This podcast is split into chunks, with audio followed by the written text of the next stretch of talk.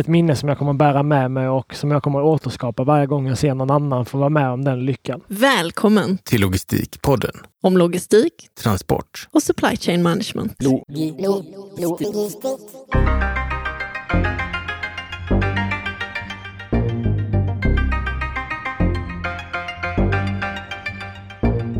Hej och välkommen till Logistikpodden Många av oss drömmer om att bli världsbäst i köket. Idag så har PO träffat en som verkligen är det. Vi ska lyssna till Sebastian Gibrand som kommer ge oss de bästa tipsen om hur man får det där som tar flera timmar att faktiskt kortas ner betydligt. Hur ska man prioritera? Vad ska man göra? Hur ska man tänka som en riktig världsexpert? Varmt välkomna till Logistikpodden. Sebastian Giman heter jag. Eh, 33 år gammal. Eh, kock har till senaste åren tävlat i Bocuse d'Or, världens mest prestigefyllda kocktävling. Eh, slutade tvåa 2019 och tyckte inte det var tillräckligt bra. Eh, försökte bli bättre, slutade på femte plats. eh, har också gjort Nobelmiddagen 2019 och samma år vann Kockarnas kamp. Det är väl de som jag är mest känd för, när man kan känna igen mitt namn. Ja, just det. Ja, det är fantastiskt. Bara en av de här tre är liksom eh, top notch, men du har ju lyckats beta av tre sådana här som folk känner till ändå. Eh, Kockarnas kamp, hur var det att spela in den? Ja, Kockarnas kamp var ju en eh, väldigt speciell och annorlunda upplevelse. Eh, jag har inte gjort en sån stor produktion tidigare och eh, trodde att det var mycket hopp och lek, men det var väldigt mycket strukturerat från tidig morgon till sen kväll. Men eh, fantastiskt kul. Jag är en tävlingsmänniska, älskar att tävla. Men visst är det så att ni bor tillsammans? Eller det, det, ser så ut på tv i alla fall? Man bor tillsammans på slottet och umgås och det var väl det som var det absolut finaste med hela programmet. Att man fick dela med sig av erfarenheter och eh, lära känna andra kockar på djupet som man kanske inte annars gör i branschen. Ja, jag gillar de där formaten. Det, det är ju Så mycket bättre och Kockarnas kamp och Stjärnorna på slottet. Det är lite grann samma eh, det finns en viss dynamik. Man får väl berätta sin story också. Eh, Absolut, ja. och det är, det är just det som gör att man lär känna de här kockarna som man till vardags har en professionell relation med. De får man möta och djupdyka lite om hur de är som personer och man får se dem på dygnets alla timmar. Det gör att man ser deras eh, riktiga jag och det är ibland väldigt fantastiskt. Och alla har ju kämpat på samma sätt. Det är ganska slitsamt eh, kan jag tänka mig när man jobbar sig upp som kock. Det är mycket tuffa arbetstider och, och, högt tempo och så vidare. Ja, det är ingen eh, dans på, på rosor. Det är som en gammal landslagscoach sa till mig i tiden så här. Alltså bara vaknade på tidig morgon efter ett par timmars sömn och bara glitter och glamour med väldig ironi. Så att eh, nej, det är väldigt slitigt, absolut. Men eh, det är också otroligt tillfredsställande, kreativt och otroligt, otroligt roligt att jobba med. Jag är en riktig matnörd. Jag har intervjuat ett par kockar tidigare i podden också. Uh, vi kan väl återkomma till uh, det för att du touchar ämnen som jag haft uppe med andra tidigare också som jag tycker är väldigt intressanta och som har kopplingar till logistik. Definitivt. Uh, men den här tävlingen du nämnde, Bocuse d'Or. berätta om den, för jag tror att det är väl den som folk känner minst till om egentligen. Det är ju faktiskt det. Internationellt den största tävlingen man kan tävla i som kock. men hemma på nationell och i Sverige, så den som man kanske minst känner till. Eh, det är matlagning i eh, matlagnings-VM. Inofficiella. Eh, det är kockarnas tävling. Paul Bocuse, en känd fransk stjärnkock som startade den här 1989, har gått av stapeln vartannat år i Lyon i Frankrike. Och här utmanas man i att laga mat som både ska se otroligt vacker ut men är på pressad tid och med otroligt mycket förberedelse. Tävlar man i, eller man kan fråga så här, finns det olika grenar? Eller tävlar man i en, är det en enda gren? Vi har två tävlingsuppgifter har det varit de senaste om man tittar traditionellt. Eh, en som är ett fat, en presentations och uppläggningsfat. Och en del som har varit antingen en tallrik eller som jag tävlade med senast i VM, en takeaway, en trerättersmeny. Det är de två uppgifterna som ska göras på 5 timmar och 35 minuter. Och allting tränas in i minsta sekund för att man ska tjäna så mycket tid som möjligt. Och jag antar att man ska göra flera portioner också då, inte bara en? 14 portioner eh, på båda. Så att eh, det blir ju ett gäng tallrikar på eh, takeaway med tre gånger, så, tre gånger så många och ett fat. Då. Ja, när man kommer upp i 14 då, då krävs det större kärl. Det krävs ganska mycket av allt egentligen. För normalt hemma lagar man kanske mest mat till 7-8 max. Eh, om man inte, eller så gör man en långpanna med något. Ja, exakt, det är det enklaste och det beror ju helt och hållet på vilket tillfälle av, av middag man ska ha eller hur många vänner man vill bjuda hem. Eller, men just tävlingen 14 portioner, eh, de är visserligen väldigt små. Tävlingsmat är ganska liten i sig men otroligt smakrik så att man vill inte ha allt för mycket. Så det behövs inte så himla mycket. Men för att laga de här eh, 28 portionerna om man ska säga, då eh, hade vi utrustning lite över ett ton. Och när du säger utrustning, det är prylar då? Då pratar vi om vagnar, kylvagnar som är fyllda med specialutrustning till eh, slickepottar, knivar, eh, verktyg, eh, torkskåp, mixers, allting som vi vet precis på pricken var allting står. Så det är inte, det är inte som i Indycar att alla jobbar med en standardutrustning?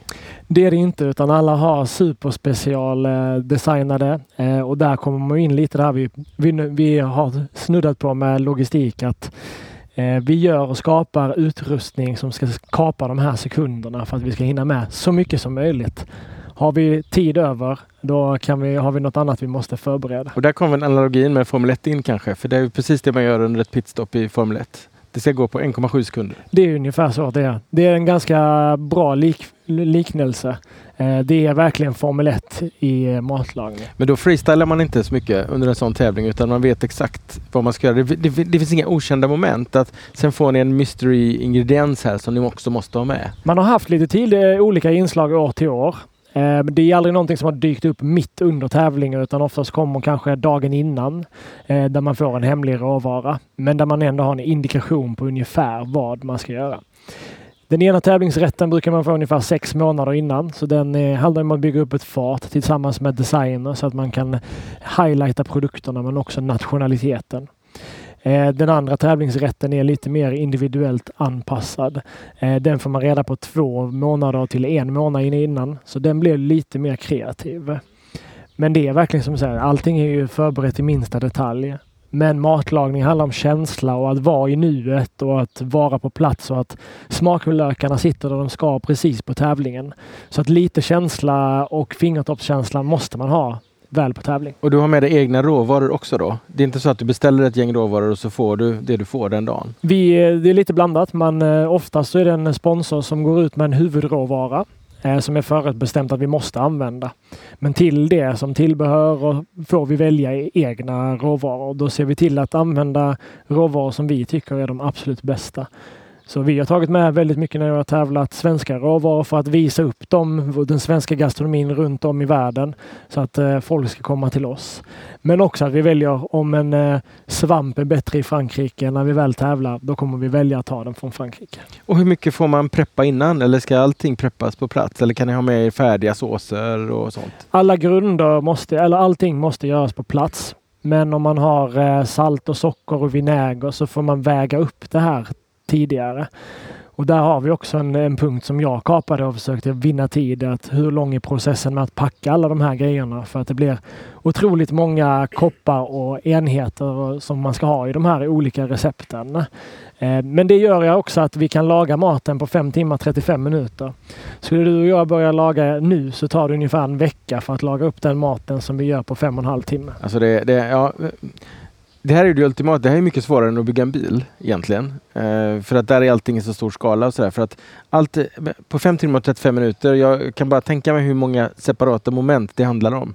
Och att det måste sitta i en viss sekvens och allt sånt. Och sen är det ju levande material som ni jobbar med. Det är inte stål som, där alla bitar ser exakt likadana ut. Så är det ju verkligen att du kan ju skruva på en mutter och du gör samma process om och om igen. Här handlar det om att det är ett konstant flöde och att en råvara kan ena dagen ta två minuter längre och en annan dag en minut kortare. Så att det gäller där att ha den här lilla fingertoppskänslan. Eh, man sätter ett schema för hur man jobbar. Eh, jag började faktiskt när jag började tävla mycket med kocklandslagen att eh, göra ett minutschema för att följa det efter punkt och begrepp. Först gör jag det här, steg två är nästa den här grejen och tre. Till att de senare åren göra intervallschema med att vad ska jag göra första timmen, halvtimmen. Att ha en lista vad jag ska göra för att det händer så mycket och byta plats. Så att du får små, små deadlines hela tiden? Så man snarare får deadlines istället för att ha ett minutschema. Minutschemat göra att man blir liksom stressad eller la ett par sekunder på att titta hur ligger man till, vad är nästa? Medan ett intervallschema gjorde bara att man gick mycket mer på känslan och bara betade av punkterna så snabbt man kunde. Ja, så vet man att om åtta minuter ska, så måste den här grejen vara klar för att eh, då ska jag hoppa på nästa Ja. modul. Då. Och sen hade man lite avstämningspunkter för att se att man ligger med i tid så att man inte ligger, ligger efter. Har du någon hjälp eller är du helt solo? Vi är egentligen eh, så är det en individuell tävling, men jag får lov att ha en komi som är under 23 år gammal. Jag får ha en coach som står på utsidan. Eh, första gången är jag Tommy Myllymäki. Andra gången är Jonas Dahlbom. De får enbart stå och introducera just med tider och säga nu måste vi öka eller nu ligger vi bra i tid eller lite mer det här. Och eh, sen har vi en president eller en, som är jury på tävlingen. Så teamet officiellt sen på tävlingen är fyra, men egentligen en individuell tävling. Mm. Och hur, finns det någon koppling till, du, du har nämnt landslag, kocklandslaget då. Eh, är, det, är, det, är det den här tävlingen man tävlar i? Då är det en helt annan tävling. Det är en separat tävling, en annan organisation. Kocklandslagen är eh, Svenska Kockars Förening. Och eh, Bocuse är eh, Bocuse Door Sweden som står bakom och Gastronomi Sverige. Okej, så det är två olika. Två Hur funkar det med landslaget då? Ja, Landslaget är en liten större. Då lagar man för 110 gäster för ett varmrätt och dessert på tid. Eh, ungefär samma tid faktiskt. Eh, jag tror det var sex och en halv timme där. Eh, men då är man ett team på 6-7 personer. Eh, så det, det skiljer sig lite där, men det är ju ett, eh, mer ett lagarbete eh, medans då eh, Bocuse är F1. Ja, det är så grymt coolt det är. Sen, sen sa du att du hade gjort eh, Nobelmiddagen också. Stämmer. Ja, vi har ju tidigare intervjuat Håkan Törnström. Ja, fantastisk människa och fantastisk kock. Ja, så roligt. Vi, eh, det var för ungefär, ungefär ett halvår sedan. Eh, Vi släppte det faktiskt den 9 december. Sen blev det ju ingen Nobelmiddag, men vi hade tänkt tajma in det. Men han hade gjort två. Jag tror det var 2004 eller 5 eller 2003 och 2004. Och han berättade ju en massa saker. Men du har gjort det 2019. 2019, så det är alltså den senaste Nobelmiddagen som har varit. Ja, precis. Så jag är ju lite nyfiken då. Jag, jag kommer ihåg vad jag ställde för frågor till Håkan. Men när började du planeringen inför den? Jag fick förfrågan. Jag hade Nobel som tema på eh, VM 2019. Eh, Jag fick förfrågan någon gång i februari, mars om jag skulle vilja göra middagen och då var det första bara jag, ska jag göra det här? Eh, men jag kände ändå att nej, men det, här, det här är så coolt och det är det mest hedersamma uppdraget man kan göra. Då började ju direkt processen med att ta fram menyn. Eh, Gert Klötzke och Fredrik Eriksson som sitter eh, tillsammans med Nobelstiftelsen och eh, bollar idéer om menyn. Eh, Så den började ganska konstant. Eh, vad blev det? 8-9 månader innan. Ja, för det, det berättade Håkan när han pratade om det också att man kommer dit med en idé men, men eh, när man väl kommer i mål så är det något helt annat än vad man började med. Att det är en kreativ process som drar igång. Det är det absolut. Eh, där fungerade jag på sättet. Där är man ju såklart olika. Jag är anamma oftast i mitt tankesätt när man ska göra de här stora matlagningseventen. När det är 1350 gäster. Att säkerställa att produkten blir lika bra för alla gästerna. Eh, Att jag ska se att det ska kunna vara genomförbart för så här många.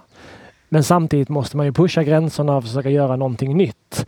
Så att man vill ju ligga och pusha men ändå se till att man kan genomföra det så att det verkligen blir så bra som möjligt för alla 1350. Ja, för vi, vi pratade drygt 1300 pers. Eh, Precis. Så att det går ju inte att finlira för mycket utan eh, om man ska prata om logistik så är det här är ju massproduktion av riktigt bra mat. Ja, det är extremt mycket. Det är otroliga timmar som ligger bakom och just att säkerställa den, den kedjan av i vilka omgångar gör man de här och när ska man göra vad. Så att det var ett gediget Excel-schema som jag hade skrivit upp för vilka, vilka delar och ta- detaljer som ska göra vilken dag och vilken eh, timme. Och du är ju inte ensam kock där. Eh, inte ens 6-7 utan det finns ju så många inblandade. 40, 40 kockar totalt för att producera det här. Och, och jag antar att då blir varje kock ganska specialiserad. Att man gör en eller två saker. Eller hur fungerar det? Så är det väl på plats. Eh, Jag fick ju sätta ihop ett litet team med de närmaste som jag hade som jag i sin tur kunde, i och med att jag var ansvarig för förrätt varmrätt, hade jag en till två personer i varje grupp.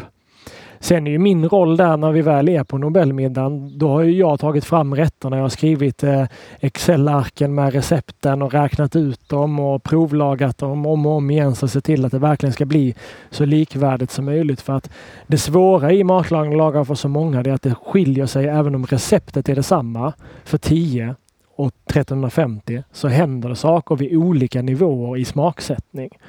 Ehm, så min, min roll på plats var att springa och ha en intervju med ett eh, japanskt tv-team samtidigt som jag ska gå just när, som du säger, man står ett monotont och gör en grej. Den första gurkan som vi gjorde till exempel, eh, den tycker de är fantastiskt roligt. Men efter tre dagar och stå och göra samma sak så gäller det ju för mig som ledare att faktiskt se till att alla är på gott humör och att vi har roligt under tiden. Så att det blir också så bra som möjligt. Och vad var det nu du bjöd på? Förrätten var en eh, Kalix löjrom tillsammans med gurka och pepparrot. Eh, varmrätten var en eh, anka från Munka Ljungby där vi använde oss av hela ankan, så skrov till eh, sås. Vi hade köttet eh, tillsammans med låren som vi hade konfiterat och svamp, så vi använde oss av hela, hela råvaran med potatis från eh, Gotland, en ursprungspotatis. Eh, och sen hade vi en eh, gulbeta tillsammans med en rostad anksky. Nu blir jag hungrig. Och för er som lyssnar här nu för att ni ska bli riktigt, riktigt avundsjuka så, så ska jag väl säga också att Sebastian har bott i vårt hus här i Almedalen, vi spelar in detta, och har lagat frukost åt oss i tre dagar och en middag tillsammans med eh, sin kompis här. Så att eh, vi har fått riktigt fantastisk mat här i några dagar i Almedalen. Eh, ja, det är roligt att och, höra och, och, vi har fått se logistiken. Hur ni jobbar i ett pyttelitet kök eh, med liksom, eh, ja, det är för litet för de flesta eh, villor. Att man hade nog velat ha ett större kök om man bor i en familj på fyra personer. Och här har ni utfodrat då eh, 68 pers tror jag vi var på middag igår. Ja men det stämmer. Det är logistiken och förberedelserna. Många tror ju att när man kommer ut och lagar mat som kock att eh, man gör allting på plats. Men 80% av eh, tillagningen sker ju innan. Där man har skalar, väger, skär till och sen är den sista lilla finishen och det här sista man steker eller grillar eller tillsätter den här fräschören på slutet som är, som är det lilla extra. Men man klarar sig ganska mycket genom att bara packa rätt, eh, linea upp allting som vi brukar säga i köket. Och missa en plats som är ett eh, vanligt ord i köket, rätt sak på rätt plats. Mm. Det, det, är en princip jag försöker köra också när jag lagar mat. Att, att ja, preppa så mycket man kan. Det är logistiken i mig då. Eh, lägg upp det i skålar eller på fat och så att när man väl står där och ska göra grejer så går det fortare. Det är ju så. Och det är ganska kul att det var så vi, eh, vi knöt an. Att du sa, ja. här ser man direkt vilken logistik och jag, ja, men jag älskar logistik. Ja, du sa till och med jag har svart bälte i logistik och då tänkte jag, vill du vara med i min podd? Ja. Ja. ja det är sällan att jag säger att jag är bra på någonting men eh, det är faktiskt en av de sakerna som jag tycker är fantastiskt roligt som jag, som jag har ganska bra koll på. Ja, men jag har ju fått se dig in action här och, det, och jag kan verkligen säga att eh, jag är jätteimponerad med en sån liten yta och eh, jag har sett ni har haft med er standardiserade vagnar som eh, ni kan antagligen både hålla varma och kalla. Antar jag. Ja. Eh, med, med, speciella brickor och sånt i och sådär så att eh, ja, riktigt, riktigt cool utrustning. Och sen en del väldigt, väldigt bra maskiner såklart. Såklart. Men eh, de bästa maskinerna man har det är sina två händer och sin, eh, sin, det man har innanför pannbenet. Det, det kommer man väldigt långt med. Det här med Nobelfesten då. Du kommer inte att vara involverad i årets Nobelfest? Det vet jag inte. Jag har inte hört någonting så att eh, mest troligt inte. Men eh, för mig var det någonting man gör en gång och eh, kan bocka av. Det var fantastiskt kul. Eh, men eh, det finns andra utmaningar också, så vi får se. Håkan Törström han berättar ju att eh, hans kockkollegor undrade om han var vid sina sinnesfulla bruk när han tackade ja andra gången. Eh, för det gör man inte, sa han. Eh, men vad kommer, du, kommer du att titta på den? Det kommer jag absolut göra. Det är ju någonting man har gjort sedan man var väldigt ung och att man har varit med om det där att eh, man har sett kockarna gå ner från trappan eh, eh, i Stadshuset och nu stod man där själv. Det var fantastiskt och det är någonting som jag kommer ha med mig för resten av livet. Ett minne som jag kommer bära med mig och som jag kommer återskapa varje gång jag ser någon annan få vara med om den lyckan. Och eh, alltså själva det som gästerna ser där, de ser ju inte vad som händer i köket. Däremot ser ju de serveringen som då går på kanske 10 minuter max. Så får de här 1300 personerna sin mat. Är du involverad i den processen också? Delvis är jag, men eh, det är kocken på stadshus, eh, Stadshuset, eh, Gunnar Eriksson, är mest involverad i den logistiken. Men vi bollar ju såklart hela tiden under, utifrån förutsättningar hur maten är och vilka tallrikar vi ska använda och hur vi ska servera. Men det är han som är lite geniet bakom där och ser till att det går så pass snabbt som det faktiskt gör under Nobelbenen. Att kunna servera så många gäster på cirka 10 minuter. Och hade det varit 1350 personer som alla beställde exakt samma sak så hade det varit ganska enkelt jämfört med hur det antagligen är då med kostrestriktioner. Nu hade ni anka. Då, då, det funkar väl i de flesta kulturer om man äter kött. Men så finns det allergier och andra specialkrav och så vidare. Mycket av de aspekterna tar vi såklart in. Vi har eh, Anka var ju därför en av de stora anledningarna. Eh, men även om vi försöker sålla bort många av allergenerna redan från början med nötter och så vidare så var det nästan ändå 30 procent som har avvikande kost på ett eller annat sätt.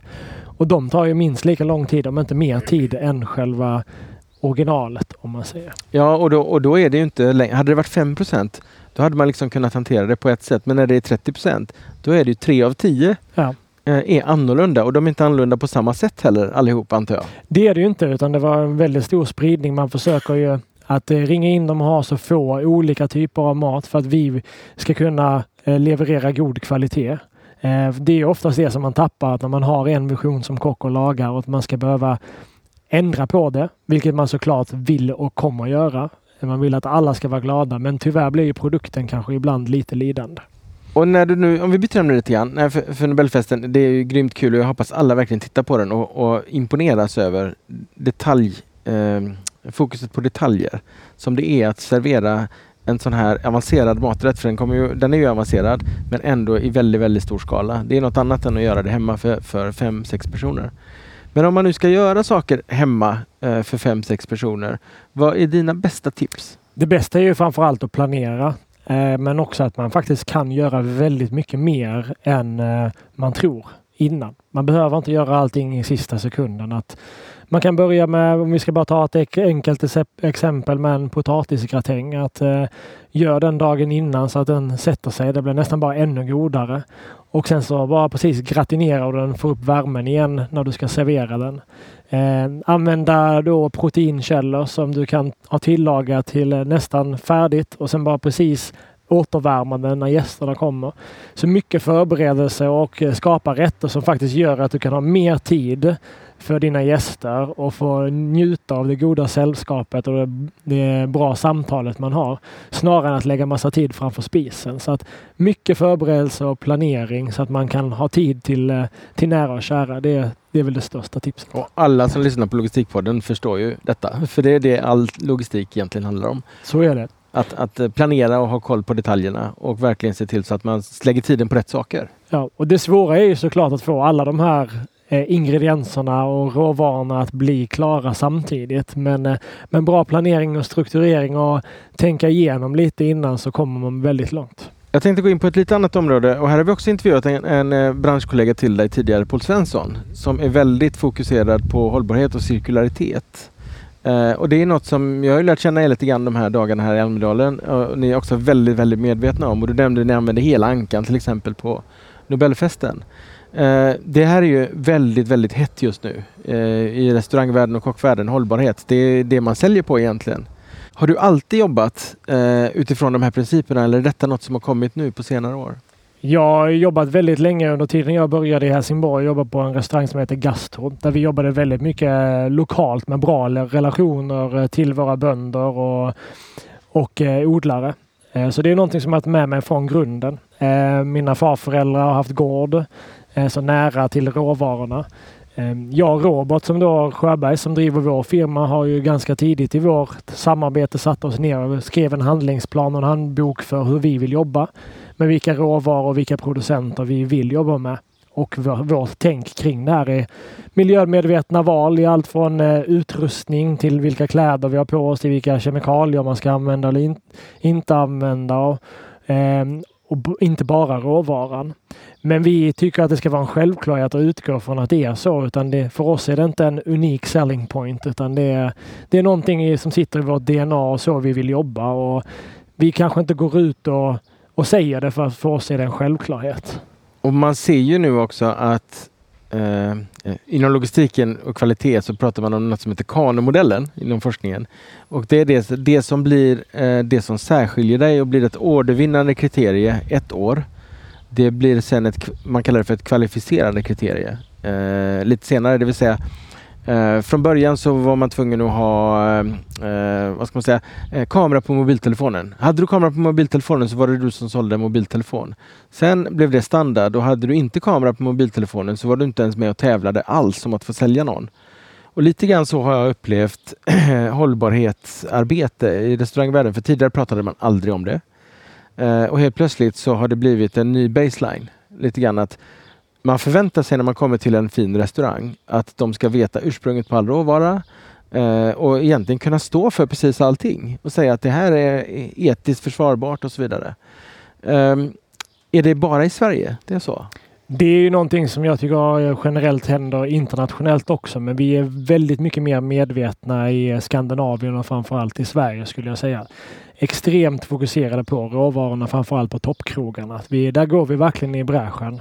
Eh, vi skulle snarare säga att vi är lite för billiga egentligen för vad, vi, vad man faktiskt kan, eh, vad man får på tallriken när man går på en finkrog. Men det, det är ju någonting såklart som många lyfter och använder som ett argument. Men eh, det är också många krogar som jobbar i det dolda och med att de följer sin agenda och sin plan och använder de här råvarorna eh, och att det är en självklarhet för dem. När njuter du själv mest av mat? Det kan vara i alla tillfällen. Eh, det kan vara ehm, jag gick ner här på, i Visby på 800 grader pizzeria som en kompis har även i Stockholm och sitter med ett par vänner och bekanta och, ehm, och äter och bara njuter av det. Eh, det kan vara en eh, bulle på, på Söder i Stockholm med en kaffe och känna in lugnet. Ehm, det är så många tillfällen eh, som är väldigt olika och, och bra på många sätt men jag njuter av nästan all god mat. Det är jag också. Just det här med, med, pizza, det håller jag på med själv också. Jag har en ugn för det och så hemma. Det där är ju ett kaninhål utan like. Så är det verkligen. Ja, med, med, tre ingredienser kan man komma väldigt, väldigt långt där. Extremt. Då ska jag fixa Oscars uh, Pizza Wizard bok till, bok till dig signerad. ja. Där får man uh, alla, alla steg man behöver. Ja, det, jag, jag, jag har varit mycket på Lilla Napoli i Falkenberg och uh, deras bok har ju blivit min bibel. Den är ju mer en kemibok än något annat. Ja, men den är ja. fantastisk. Oscars 800 grader och Lilla Napoli med Bess och gänget. Det, ja, det är fantastiskt. Det är, det är matlagning på högsta nivå. Ja, men pizza och det är det som är det fina också. att Det finns det här supergoda i det enkla. Ja, för det är verkligen det. det på en margarita är det väl typ sex ingredienser? Något sånt, inklusive de du har i degen. Men jag tycker också att det är det, är det som en, en bra margarita brukar säga, det är det som avgör om en pizzeria är bra eller inte. Jag har en kompis som är kock som han beställer alltid en crème brûlée när han är på restaurang för att bedöma om de kan sina grejer eller inte. Ja, men det är en liten klassiker. Det är samma sak. Man, då vet man att eh, är den bra, då är resten också bra. Va, vad är din bästa matupplevelse? Flera olika och det är samma sak. Det kan vara mm, vissa middagar man har haft med vänner och eh, restaurangupplevelser. Men eh, skulle jag välja ett så är det väl så här gammalt bakminne med min mormor när man eh, stod och bakade och åt de här varma nygräddade bullarna. Det är väl någonting som alltid sitter i. Mm. många har nog eh, minnen från barndomen vad gäller mat, eh, tror jag. Oftast har ju många det att förknippa. Oftast det som är den här glädjen man ser hos människor att mat faktiskt kan ta är som en tidsmaskin ibland, att den kan ta en tillbaka till barndomen och få återuppleva gamla minnen som man inte, man har helt enkelt glömt bort att de fanns där. Och det mat berör på djupet på många sätt. Och jag kan uppleva att matlagning kan vara meditation också. Att i princip gå in i det och tiden går väldigt, väldigt fort när man håller på och allt annat försvinner. Man tänker bara på det man gör. Ja, men det är, det är någonting som fångar en matlagning. Man är, är man där och då och är inne i det och tittar på råvarorna och smakar och då, då står ju tiden still. Eh, men det går ju otroligt snabbt. Eh, så att jag håller med. Supermeditativt.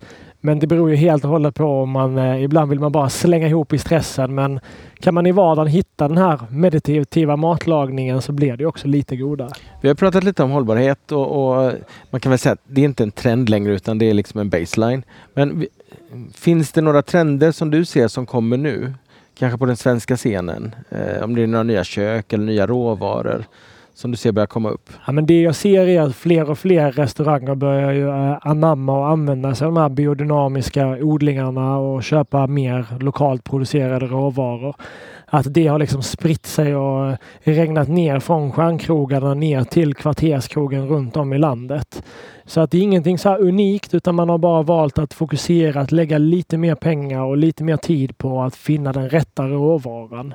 Så att eh, ingen kanske är trend i att just den här typen av matlagning utan eh, snarare att man fokuserar mer på råvaran upplever jag är, är det som är det essentiella i dagsläget.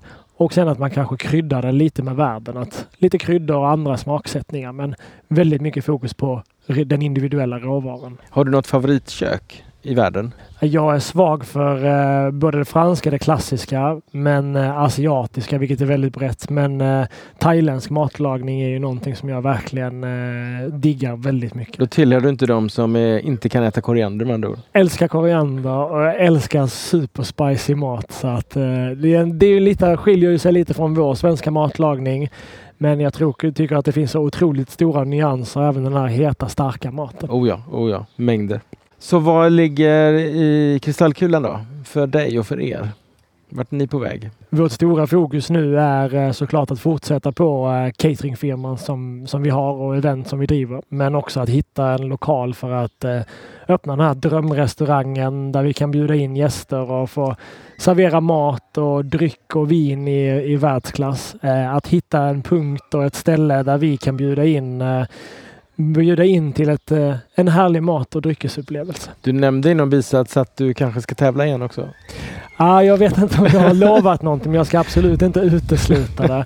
Eh, efter tävlingen senast så var Robert och gänget på med att nu kör vi igen. Men jag sa nu, nu tar vi en liten paus och uh, reflekterar och jag känner att jag vill lägga väldigt mycket fokus på, på företaget men också att uh, faktiskt ha ett privatliv. Att inte jobba dygnet runt som man gör när man tävlar. Att kunna hitta den kombinationen. Stort tack för att du var med Sebastian. Och vi, vi ska länka till uh, din och er hemsida.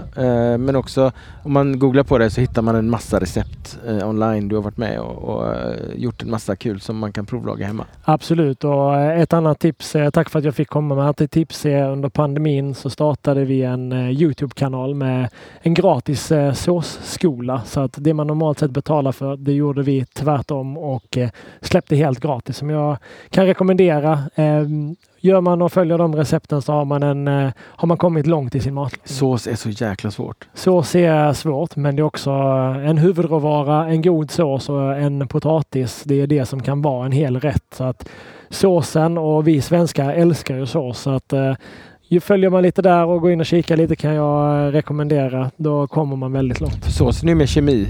Eh, Otroligt mycket kemi. Eh, eh, en annan typ av matlagning, att man steker något man ser liksom när det är färdigt och sådär. Men såsen, det handlar om, det är som bakning, att det är väldigt små detaljer som avgör. Så är det verkligen och det är de små tipsen och folk är därför man är lite rädd för att göra vissa såser. Men gör man bara de här och följer enkla steg så har man ju en video att kunna se på det så, så ska man nog kunna lyckas. Det är inte så svårt ska ni se. Nej, vi lägger en länk till den kanalen också. Ja men perfekt. Tack för att du var med i Logistikpodden. Tack så hemskt mycket. Kul att jag fick vara Gillar du Logistikpodden så glöm inte att gå in på www.logistikpodden.se och signa upp dig för vårt nyhetsbrev så får du alltid information om när nya avsnitt har dykt upp. Gå också in på Facebook, LinkedIn och Instagram och gilla oss och dela och kommentera så att vi kan fortsätta att leverera det du vill höra om logistik.